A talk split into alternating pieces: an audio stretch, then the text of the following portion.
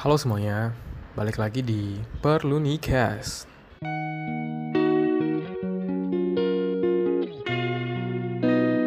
Jadi hari ini hmm, episode 2 Perlu Nikes. Hostnya cuma aku, Dimas, yang bakal nemenin kalian selama setengah jam ke depan mungkin. Dan hari ini aku mau bahas suatu topik yang cukup sensitif, cukup menyeramkan, cukup tabu di Indonesia, terutama. Hmm, hari ini aku mau bahas tentang suicide dan pikiran-pikiran yang menyertainya gitu. Ya, aku mau bahas tentang tindakan bunuh diri. Kenapa? Hmm, pertanyaan yang bagus. Kenapa? Kenapa enggak? Menurutku, suicide dan mental health adalah hal yang perlu banget untuk dibahas, adalah hal yang perlu banget untuk banyak orang untuk mengerti dan paham lebih lanjut lagi. Karena sejauh ini di sekitarku, di daerah aku tinggal, di keluargaku sendiri bahkan, dan banyak juga di circleku, di teman di antara kalangan teman-temanku. Suicide itu bener-bener hal yang tabu, hal yang jarang banget dibicarain orang-orang. Dan padahal suicide itu nyata. Ada di antara kita banyak orang yang sedang tersiksa dengan pikiran-pikiran mereka dan butuh bantuan kita. Aku harap dengan podcast ini bisa ngasih insight atau pandangan baru untuk kalian yang mungkin belum terlalu mengerti tentang suicide atau mungkin belum mengerti terlalu mengerti tentang kenapa orang-orang memikirkan untuk bunuh diri, kenapa gitu. Mungkin ada yang belum tahu. Karena yang tahu kenapa orang-orang pengen bunuh diri ya cuma orang-orang yang pernah pengen bunuh diri gitu.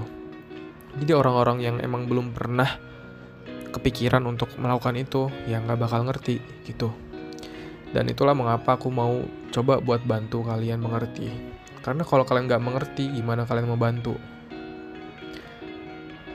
Aku juga bukan mental health expert ya. Tapi aku pernah mengalami aku pernah memiliki pikiran-pikiran yang menyeramkan itu.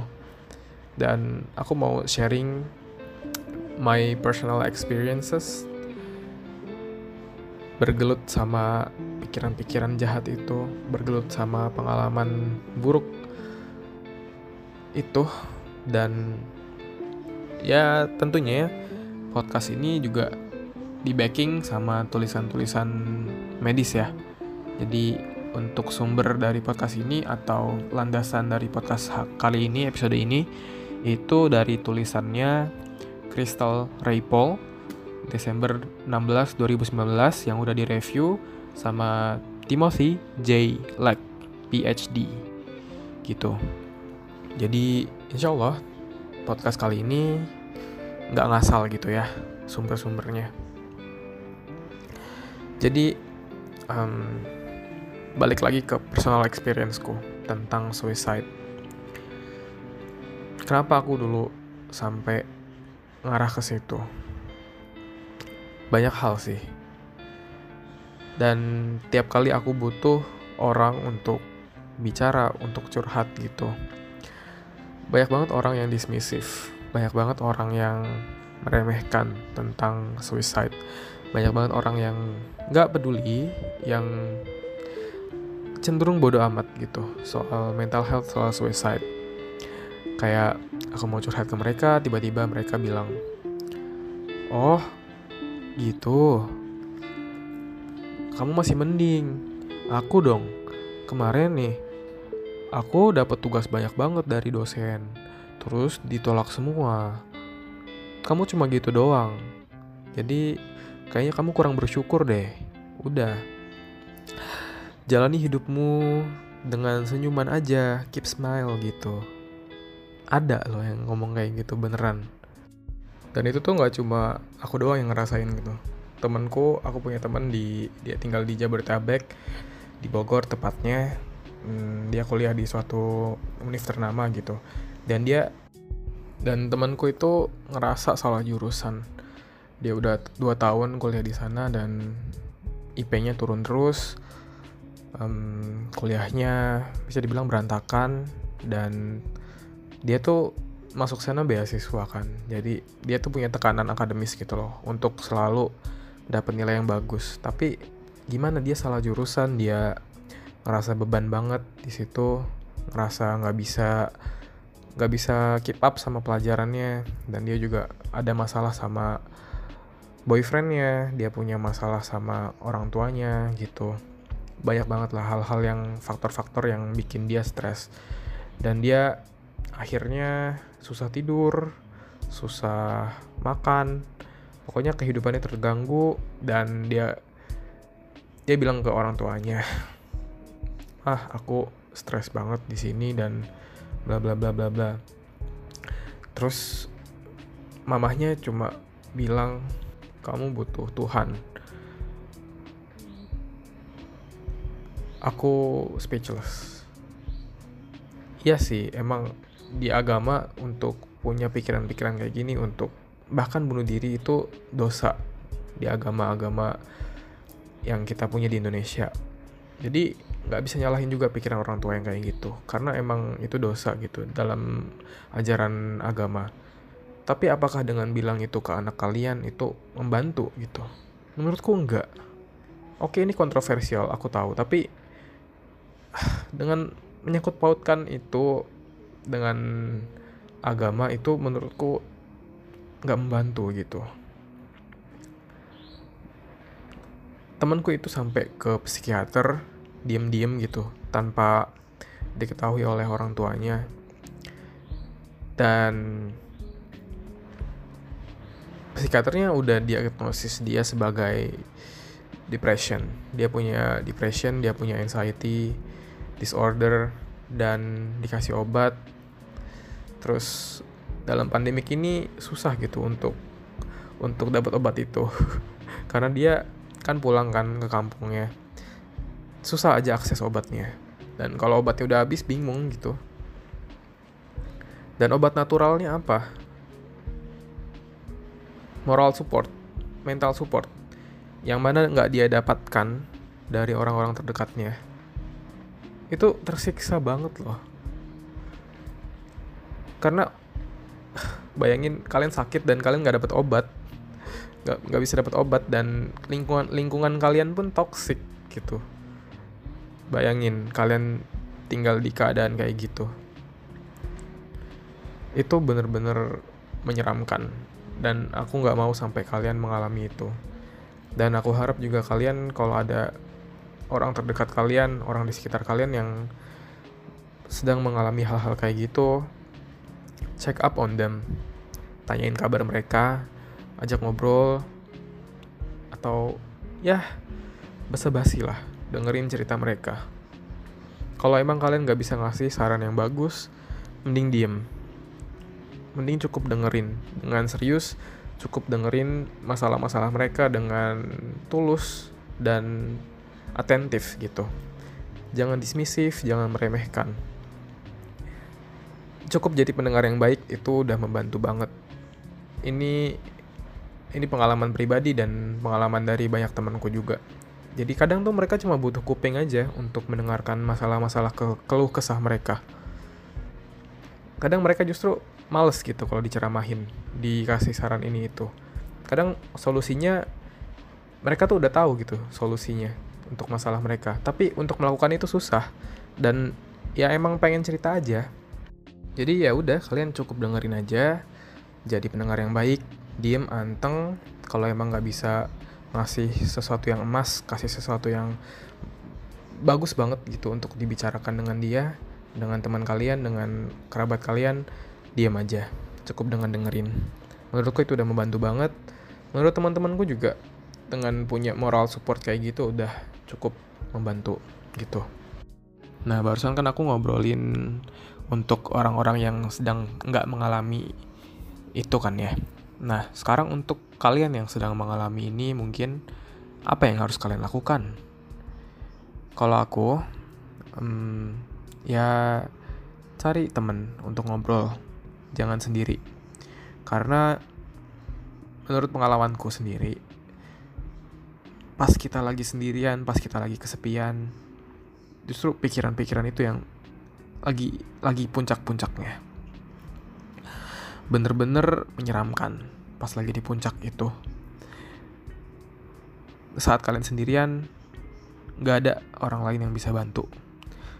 Karena diri kalian sendiri pun bakal jadi musuh kalau udah dalam hmm, mental state atau keadaan mental yang kacau balau. Pikiran kalian sendiri itu adalah musuh. Jadi carilah orang seek out help cari teman-teman kalian yang atau kerabat kalian yang benar-benar kalian percayai yang benar-benar bisa jadi pendengar yang baik untuk kalian cari orang itu ajak ngobrol kasih tahu tentang masalah kalian sharing curhat karena menurutku curhat itu bisa melegakan ya at least 10% beban kalian lah berkurang. Kalau emang kalian gak punya orang-orang yang seperti itu di antara kalian atau orang yang kayak gitu lagi susah banget dihubungi Indonesia punya hotline kesehatan jiwa dari Kemenkes. 021 500 454 021 500 454 kalian bisa hubungi Kemenkes hotline kesehatan jiwa dan curhat sama mereka ngobrol sama mereka. Kasih tahu keadaan kalian saat ini. Kasih tahu keadaan mental kalian saat ini gitu. Mungkin mereka bisa membantu dan aku harap mereka bisa membantu. Kita juga punya um, komunitas LSM jangan bunuh diri di 021 9696 9293. Lembaga ini itu adalah lembaga yang didirikan oleh orang-orang oleh masyarakat swadaya gitu. Mereka ini caring banget sama kesehatan jiwa gitu. Jadi kalian bisa telepon mereka. 021 06969293. Saranku jangan sendiri. Jangan sampai kalian sendirian. Kalau udah termakan oleh pikiran kalian sendiri, itu bahaya banget gitu ya.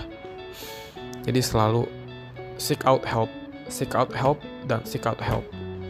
Jangan coba coba menyendiri kalau udah dalam kondisi kayak gini gitu.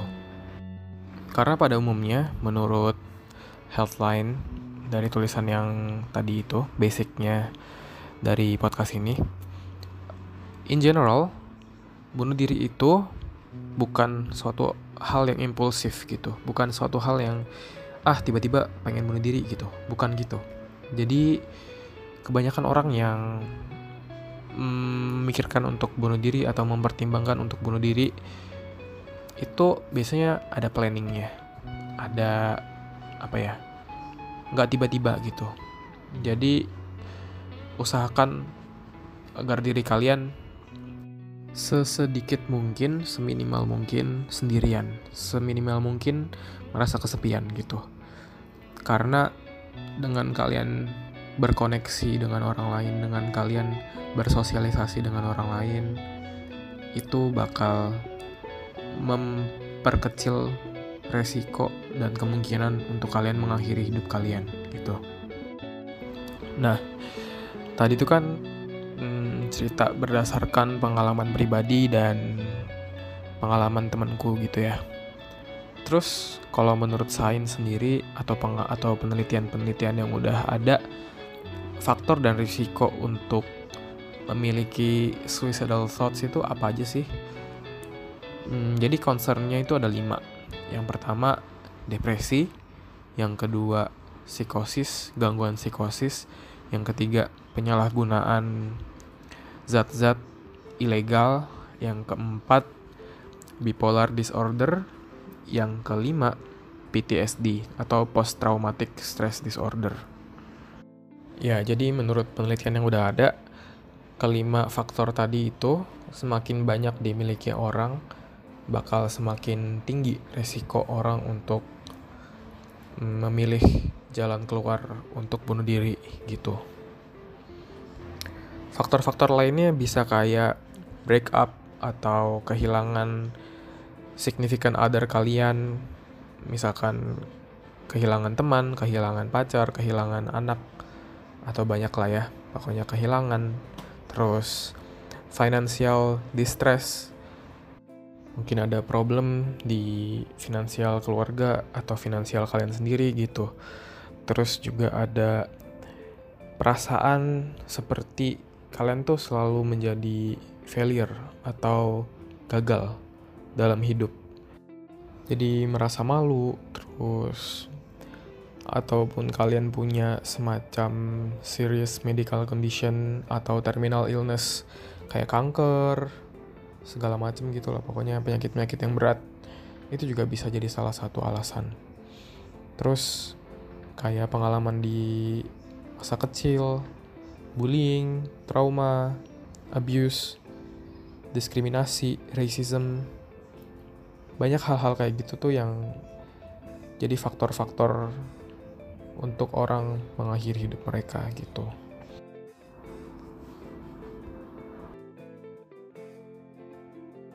Dan kalau dicocokin lagi sama pengalaman-pengalaman pribadiku dan teman-temanku gitu, rata-rata temanku yang bilang ke aku kalau mereka pengen bunuh diri atau ngerasa pengen mati aja tuh ya teman-teman yang punya masalah seperti yang udah aku sebutin tadi yang mereka sedang bergelut dengan faktor-faktor tadi dengan depresi, dengan gangguan psikosis. Ada juga temanku yang habis putus, yang habis kehilangan kayak keluarganya. Terus temanku yang lagi punya masalah problem keuangan. Ada juga yang ngerasa beban jadi ngerasa beban di keluarganya gitu karena udah lulus tapi kok nggak dapat dapat kerja gitu itu banyak banget teman-temanku yang cerita ke aku soal hal-hal itu aku inget banget dua temenku beda cerita. Yang pertama yang tadi itu yang dia mm, ngerasa jadi beban keluarga karena nggak dapat dapat kerja. Jadi dia pernah cerita ke aku kayak dia udah hampir setahun lulus dari SMK-nya dia sekolah ke sekolah kejuruan gitu. Terus dia udah lulus dan hampir setahun nggak dapat kerja di rumah doang. Dia tuh sampai malu kalau ada tetangganya mampir ke rumah. Dia tuh nggak mau keluar. Kalau ada kerabatnya main, main ke rumah dia tuh pokoknya males banget ketemu. Pas karena pasti yang pertama ditanyain mereka apa? Loh kok di rumah? Loh belum dapat kerja? Gitu. Itu tuh dia takut banget sama kata-kata itu. Sama kalimat itu dia takut banget. Akhirnya dia mengurung diri aja di kamar gitu. Malu banget sama orang tuanya karena udah udah udah disekolahin tapi setelah lulus kok nggak dapet kerja gitu. Dia dia bilang ke aku dim aku pengen bunuh diri. Tapi aku nggak pengen kayak cutting tangan atau minum racun gitu. Aku pengennya aku jalan kaki ke jalan raya terus ada yang nabrak aku gitu. Aku pengen mati. Dia bilang gitu. Sumpah sih speechless banget nggak ada orang yang berhak ngerasa kayak gitu di dunia ini. Tapi sayangnya nggak cuma satu temanku yang kayak gitu. Temanku yang aku ceritain di awal tadi yang kuliah di Bogor itu dia pun sama. Dia ada problem sama pacarnya dia ada problem sama keluarganya dia ada problem di kuliahannya. Nilainya turun beasiswanya mau dicabut segala macem. Dan akhirnya dia suatu hari sore sore kalau nggak salah jam 4 waktu itu dia chat aku. Dim aku udah setengah jam mondar mandir di jalan nggak ada tujuan. Aku bener-bener bingung aku stres aku capek aku capek hidup. Aku udah males banget hidup. Aku aku udah ngeliat hutan itu dari tadi. Ada hutan di depanku. Aku pengen mati di situ. Gimana ya rasanya aku pengen banget. Pengen banget. Pikiranku udah kosong pikiranku cuma itu doang. Yang ada di pikiranku cuma aku pengen ke hutan itu pengen teriak pengen mati di situ. Aku pengen mengakhiri hidupku di situ. Dia bilang gitu ke aku. Tanggapanku kedua temanku yang beda kasus itu cuma satu sih. Aku cuma dengerin mereka aja aku temenin mereka aku bilang ke mereka tenang kalian gak sendirian. Kalian masih punya aku aku standby terus. Kalau kalian butuh sesuatu langsung kontak aja. Aku pasti dengerin aku pasti dengerin semua curhatan kalian. Kalian gak usah takut kalian gak sendirian kalian gak sendirian kalian gak sendirian kalian gak sendirian. Terus aku bilang makasih ke mereka makasih karena udah curhat ke aku makasih karena udah cerita ke aku cari bantuan ke aku makasih banyak. Aku bener-bener apresiasi mereka. Karena mereka nggak menentukan semuanya sendirian gitu. Aku bersyukur banget mereka masih mau reach out ke aku. Bener-bener bersyukur. Dan setelah itu pun aku masih sering kayak cek mereka gitu besok besoknya kayak gimana hari ini? Ngerasa enak nggak? Atau lagi ada beban nggak? Atau lagi kepikiran apa? Gitu. Jadi show them that you care. Kalau emang kalian mau bantu mereka tuh tunjukin kalau kalian tuh peduli sama mereka gitu. Dan emang emang cuma itu yang mereka butuhin. Mereka butuh teman, mereka butuh koneksi, mereka butuh orang yang mau dengerin mereka, orang mereka butuh tempat curhat. Mereka butuh orang-orang yang nggak ngejudge mereka. Mereka butuh orang-orang yang nggak nganggep mereka sebagai beban, nggak nganggep mereka sebagai hal yang memalukan. Mereka butuh itu. Mereka butuh kalian. Jadi tolong kalau kalian ada gitu. Kalau kalian ngelihat ada tanda-tanda yang mencurigakan di antara teman kalian misalkan mereka posting-posting hal yang depressing di Instagram atau Facebook atau Twitter gitu reach out ke mereka. Jangan anggap mereka caper. Jangan anggap mereka bercanda gitu. Tanya kabar mereka. Show them that you care. Tunjukin kalau kalian tuh peduli gitu. Dan kalian mau bantu mereka kalian bisa bantu mereka untuk kayak telepon psikiater atau psikolog gitu untuk dapetin bantuan yang benar-benar profesional. Dapetin obat yang mereka butuhkan. Dapetin counseling yang mereka butuhkan gitu. Tugas kalian simple aja guys. Jangan biarin mereka sendirian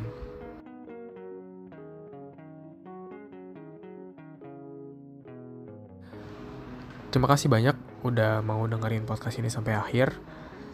Semoga podcast ini bermanfaat, semoga podcast ini berguna, dan ya, gitu aja. Pesan terakhir, hmm, suicide and mental health is real. Nyata dan ada di antara kita. Ayo kita lebih melek lagi. Ayo kita lebih empatik lagi sama teman-teman kita, sama orang-orang di sekitar kita. Mari kita saling peduli, mari kita saling bantu. Terima kasih semuanya. Sampai ketemu minggu depan di episode 3 Perlunicast. Minggu depan kita kedatangan tamu spesial dari London. CVV namanya. Jadi CVV ini dia pernah kuliah di Peking University China dan sekarang lagi menempuh pendidikan lanjutan di London. Penasaran kan? Nah, aku juga penasaran. Kita bakal ngulik tentang pengalaman kuliah luar negeri CVV. Gimana sih buat kuliah di luar negeri? Struggle-nya gimana? Memorable experience-nya apa aja? Kayak gitu-gitu pokoknya. Asik lah. See you next week. Makasih guys. Dadah.